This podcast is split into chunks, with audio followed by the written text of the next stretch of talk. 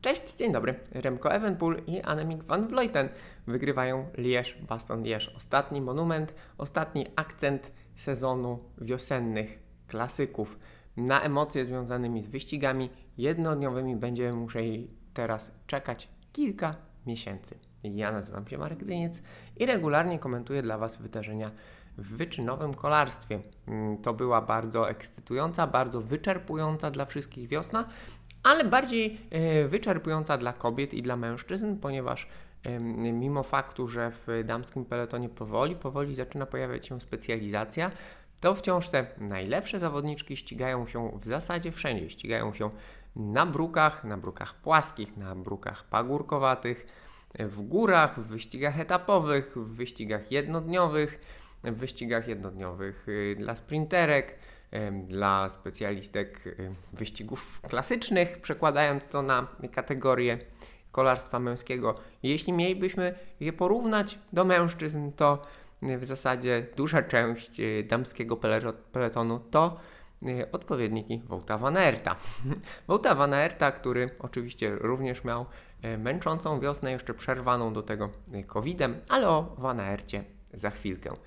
Tak naprawdę można byłoby wyścigi Lierz-Baston-Lierz, zarówno kobiet, jak i mężczyzn, sprowadzić do tego, że Van Vleuten e, dwoma atakami, najpierw na La Redoute, potem na e, Roche-au-Foucault, e, czyli dwóch najbardziej ikonicznych podjazdach tego wyścigu obecnie, będących na trasie.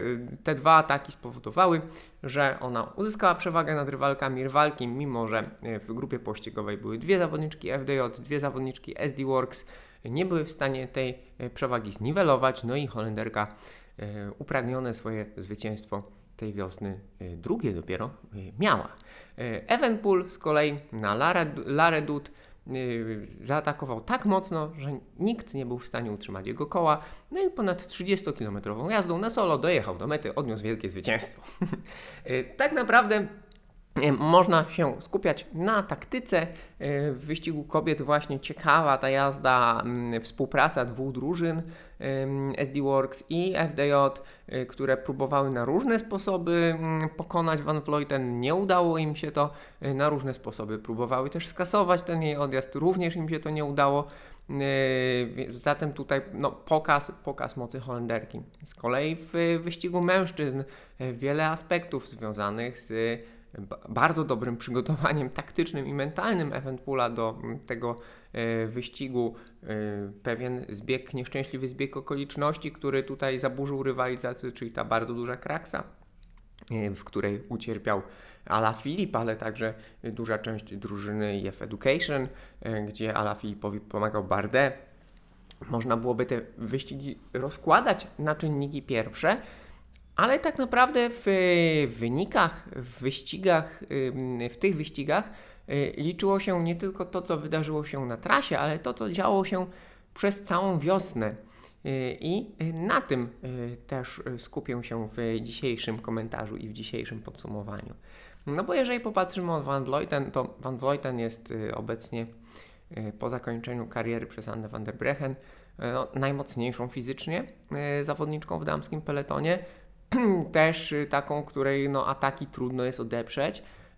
Ale w tym roku, y, mimo że ona próbowała wygrać w zasadzie każdy wyścig, w którym startowała, to były na nią mocniejsze. Y, ona rozpoczęła kampanię wiosennych klasyków od wygrania na brukach Belgii Vom lub Nieuwsblad. Zakończyła ją wygraną w Lierz-Baston-Lierz, zatem udana wiosna.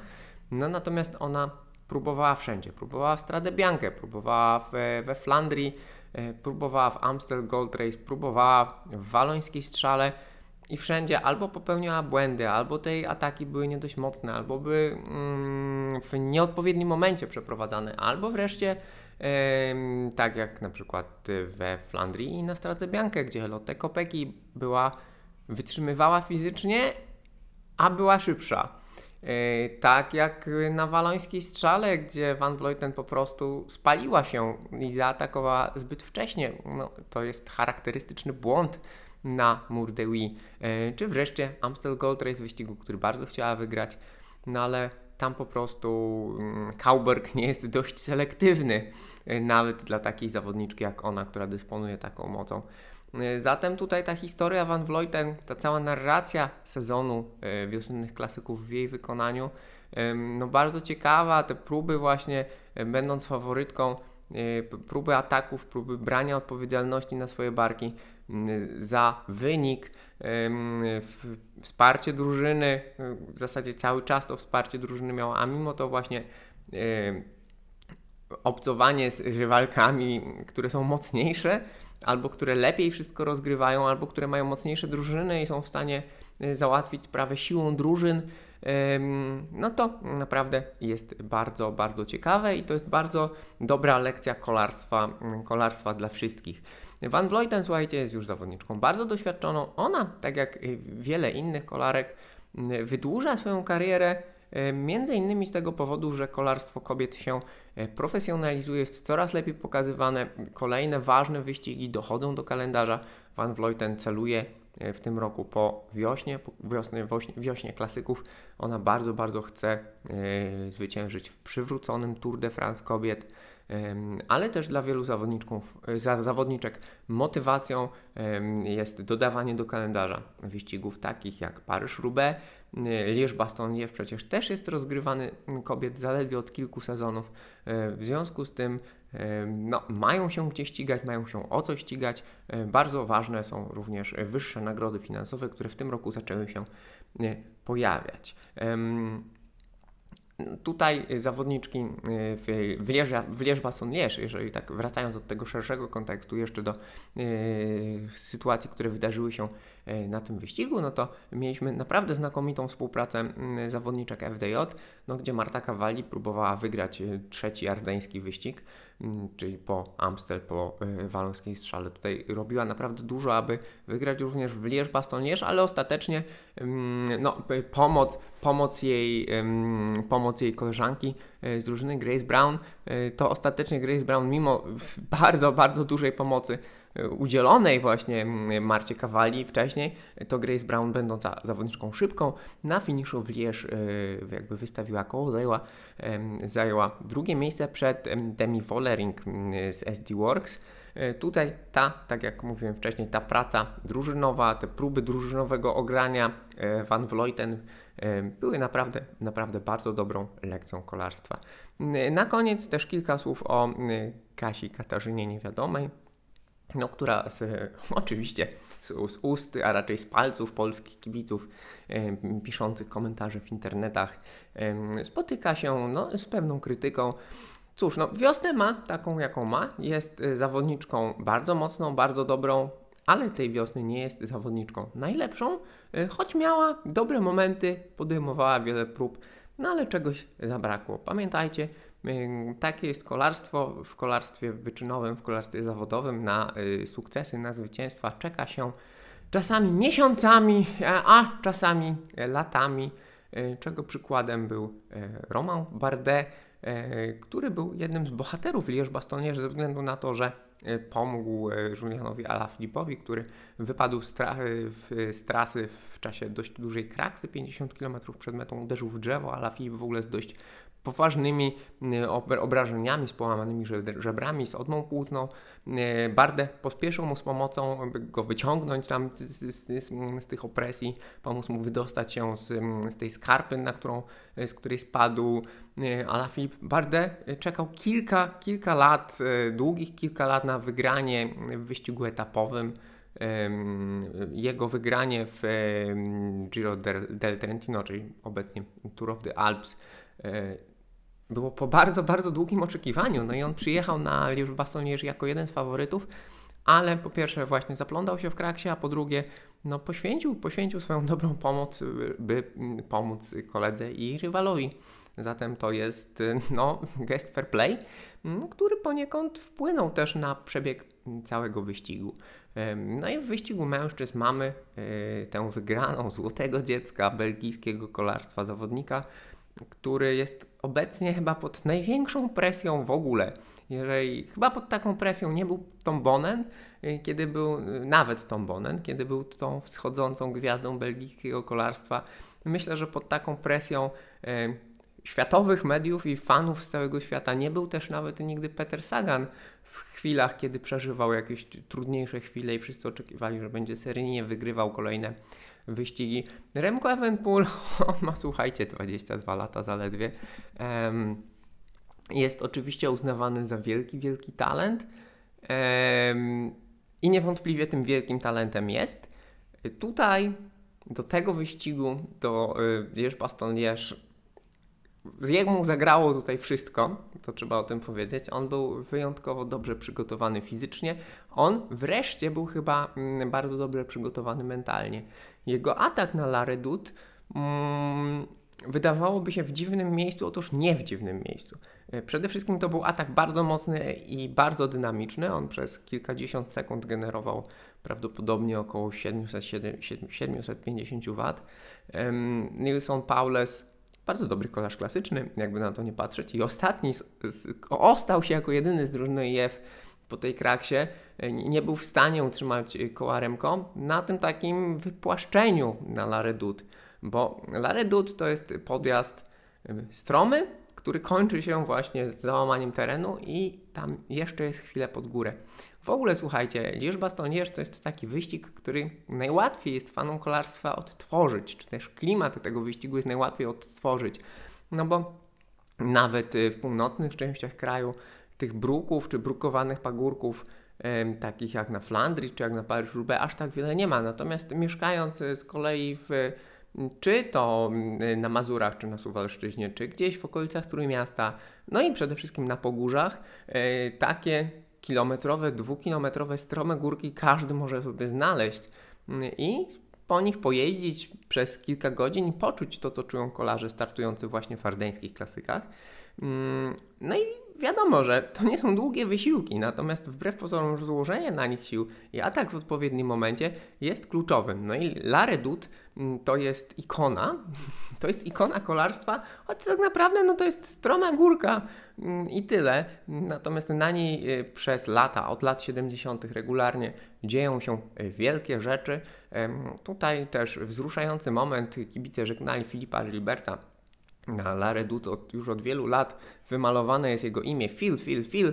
Tutaj tych Phil, e, jego mm, imion było wymalowanych jeszcze więcej. Gilbert nie odegrał istotnej roli w tym wyścigu, natomiast pożegnał się z kibicami, pożegnał się z e, Ardenami, e, no i, no i jakby dojechał pożegnał się, to było piękne, natomiast najważniejsze rzeczy działy się przed nim.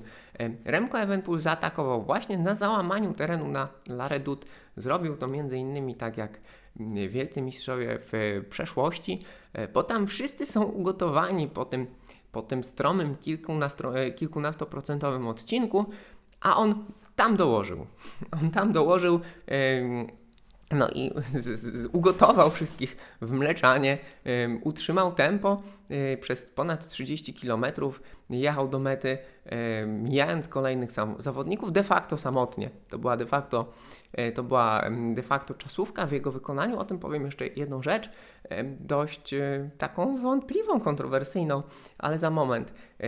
Eventpool, który to był zupełnie inny Eventpool niż ten, którego oglądaliśmy w ostatnich miesiącach on był przede wszystkim skuteczny i pewny na zjazdach. Owszem, to są jego drogi, na których on trenuje, on je bardzo dobrze zna, ale to nie był nerwowy i niepewny Evenpool, który, e, który się szarpie, który popełnia błędy, który wreszcie e, upada na zjazdach. On przeskakiwał przez, on przeskakiwał przez krawężniki na rondzie, on pewnie prowadził rower na zjazdach. On musiał naprawdę wykonać olbrzymią pracę związaną z, właśnie z techniką jazdy, ale też olbrzymią pracę związaną ze swoją mentalnością. Co było w tym kontrowersyjnego? Otóż słuchajcie, no jakby na to nie patrzeć, UCI zabroniła e, aerodynamicznej pozycji takiej, gdzie zawodnik kładzie ręce na kierownicy i udaje, że ma wirtualną lemontkę. Zabroniono też y, takiego nadmiernego wychylania się właśnie w oparciu o y, symbolicznym oparciu o, o klamki hamulcowe. Evenpool tak naprawdę dość dużą część z tych 30 km y, samotnej jazdy jechał w takiej mocno aerodynamicznej pozycji i myślę, że gdyby to nie był ten wyścig, gdyby to nie był ten zawodnik, gdyby to było na jakimś mniejszym wyścigu, na przykład etapowym i jeden z uciekinierów y, jechał w takiej pozycji, to dostałby jakąś karę. E, Evenpool jeszcze kilka, ki, ki, kilkaset metrów przed metą e, cisnął właśnie w tej pozycji z rękami tak zupełnie ułożonymi, ułożonymi w zasadzie gdzieś wiszącymi na, na kierownicy, dotykał klamek tylko w jakiś symboliczny sposób. E, myślę, że warto zwrócić na to uwagę.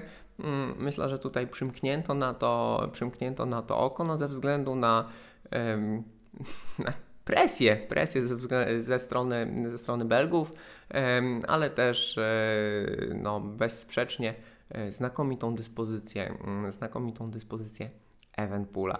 E, Evenpool, tak jak mówiłem, no on tutaj był pod olbrzymią, olbrzymią presją, on jest pod olbrzymią presją od początku swojej kariery, mm, kariery, którą przypomnę, zaczynał jako piłkarz i tutaj mały akcent na jego rowerze, pięknie zresztą po pomalowanym S-Worksie, E, znalazło się, e, znalazł się herb e, klubu piłkarskiego, w którym przez chwilę grał, o ile się nie mylę, to był Anderlecht, więc ta, mm, to, to dziedzictwo piłkarskie gdzieś tam w, w belgijskim zawodniku jest. To, ten wyścig to było jego marzenie.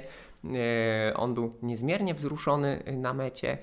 E, no i trzeba powiedzieć, że to jest krok milowy w jego karierze. E, on e, tę wiosnę, tej wiosny budował dyspozycję bardzo skutecznie. Oczywiście był w ogniu krytyki, że na tym czy, czy na innym wyścigu nie wygrał. Warto zwrócić uwagę na jego znakomitą dyspozycję w wyścigu do kraju Basków, wyścigu, który często jest kluczowy dla kolarzy mm, walczących w ardeńskich klasykach właśnie on tam nie dominował, ale był bardzo mocny, w większości przypadków był z najlepszymi, troszkę się momentami gubił, mm, ale to był bardzo chaotyczny wyścig.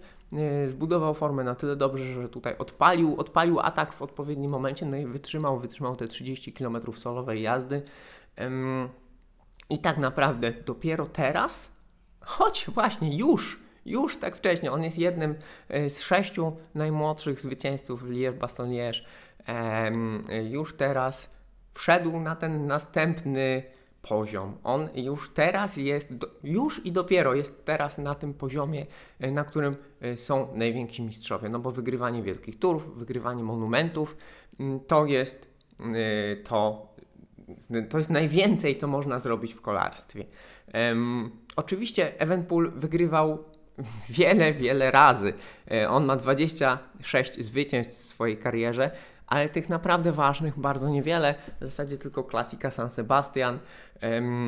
To był ten no, ważny klasyk, od którego tak naprawdę zaczęła się ta jego przygoda z seniorskim e, ściganiem na najwyższym poziomie. On wygrywał bardzo wiele, ale mniejszych wyścigów, e, wyścigów pierwszej kategorii poza World Tourowym. Oczywiście ma w, w swoim portfolio również Tour de Pologne, ale ja bym to Tour de Pologne jednak postawił, postawił tak naprawdę no bliżej tych wyścigów, tak jak, jak y, Algarve, jak dookoła Danii, y, Algarve, jak, jak Burgos, jak tych wyścigów właśnie nie world tourowych, ale prestiżowych, no bo gdzieś taka jest y, tak naprawdę, takie jest miejsce w, w hierarchii wyścigu Tour de Pologne, mimo że jest oficjalnie zaliczany do, do World Touru. Mm, zatem to Liège-Bastogne to jest y, spełnienie oczekiwań. Y, zobaczymy, czy Evenpool realnie będzie się specjalizował w wyścigach klasycznych, czy będzie się specjalizował w wyścigach etapowych. Oczywiście pewnie będzie próbował swoich sił w wyścigach etapowych, myśli o Vuelcie. Zobaczymy, jak to będzie wyglądało. Tak czy inaczej, y, już w historii się kolarstwa zapisał, ponieważ no, ma wygraną w monumencie Kropka. Y, uratował też wiosnę dla drużyny Quickstep, y, dla Patryka Lefebvre'a.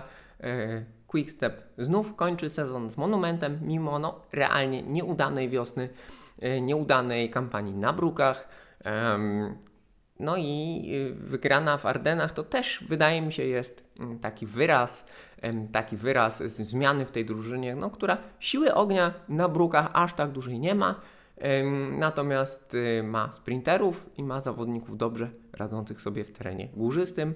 E, trzeba pamiętać właśnie, no, że jest jeszcze Ala Filip, który tutaj wypadł z trasy, doznał kontuzji, nie wiadomo jak jego sezon dalej będzie się przez to układał, ale no to owszem, on potrafi ładnie pojechać we Flandrii, no ale generalnie to jest zawodnik, który lepiej radzi sobie w terenie górzystym niż w terenie brukowanym. Y, będę już zmierzał do końca, chociaż jeszcze jest kilka kwestii do, do poruszenia. Van Aert trzeci w tym wyścigu, no, nie było, nie było Pogaczara, który ze względów rodzinnych, który ze względów rodzinnych nie mógł wystartować, nie było Roglicza, który ma wahania formy, chyba jakieś problemy ze zdrowiem. Van Aert trzeci, wydawałoby się, że powinien być drugi. Ubiegł go Quinten Hermans, Również Belk z drużyny Intermarsza, drużyna Intermarsza, fenomenalna wiosna, wielki sukces tej drużyny. Hermans to jest y, zawodnik, kolejny zawodnik z doświadczeniem w przełajach. Ubiegł Van Aerta na finiszu, to jest jego wielki sukces. Dla Van Aerta mimo wszystko to trzecie miejsce to też jest znakomity, mm, znakomity wynik, który pokazuje, że w sprzyjających okolicznościach on mimo swojej bardziej masywnej e, budowy e, jest stanie Liège Baston Liège kiedyś wygrać. Znaczy, ten jego potencjał y, wytrzymał, tak? Wytrzymał y, Laredut, wytrzymał Foucons, ten najbardziej y, ikoniczne, strome ścianki w Ardenach, podjazdy. Zatem myślę, że on będzie miał w głowie wygranie również Liège-Baston-Liège, no ale ma też inne cele. Tych celów Van Aerta Y, do zrealizowania jest cała masa, no więc zobaczymy, zobaczymy, jak to będzie z jego karierą dalej. E, no i moi drodzy, to tyle. 20 minut ponad e, na, dla, na komentarz do wyścigu, który mm, właśnie nie jest, mimo że jest znakomity, że ma wielką historię, nie jest tym e, najbardziej popularnym z wiosennych klasyków, a przez tą całą masę kontekstów, przez to, co tam się działo, przez to, co działo się przez całą wiosnę, mówiłem o nim najdłużej ze wszystkich wiosennych wyścigów w tym roku. Zapraszam niebawem na bloga. E, będzie trochę pisania, tym razem będzie trochę analiz e, w formie pisemnej. E, zbliża się Giro d'Italia, przed nim Tour de Romandie.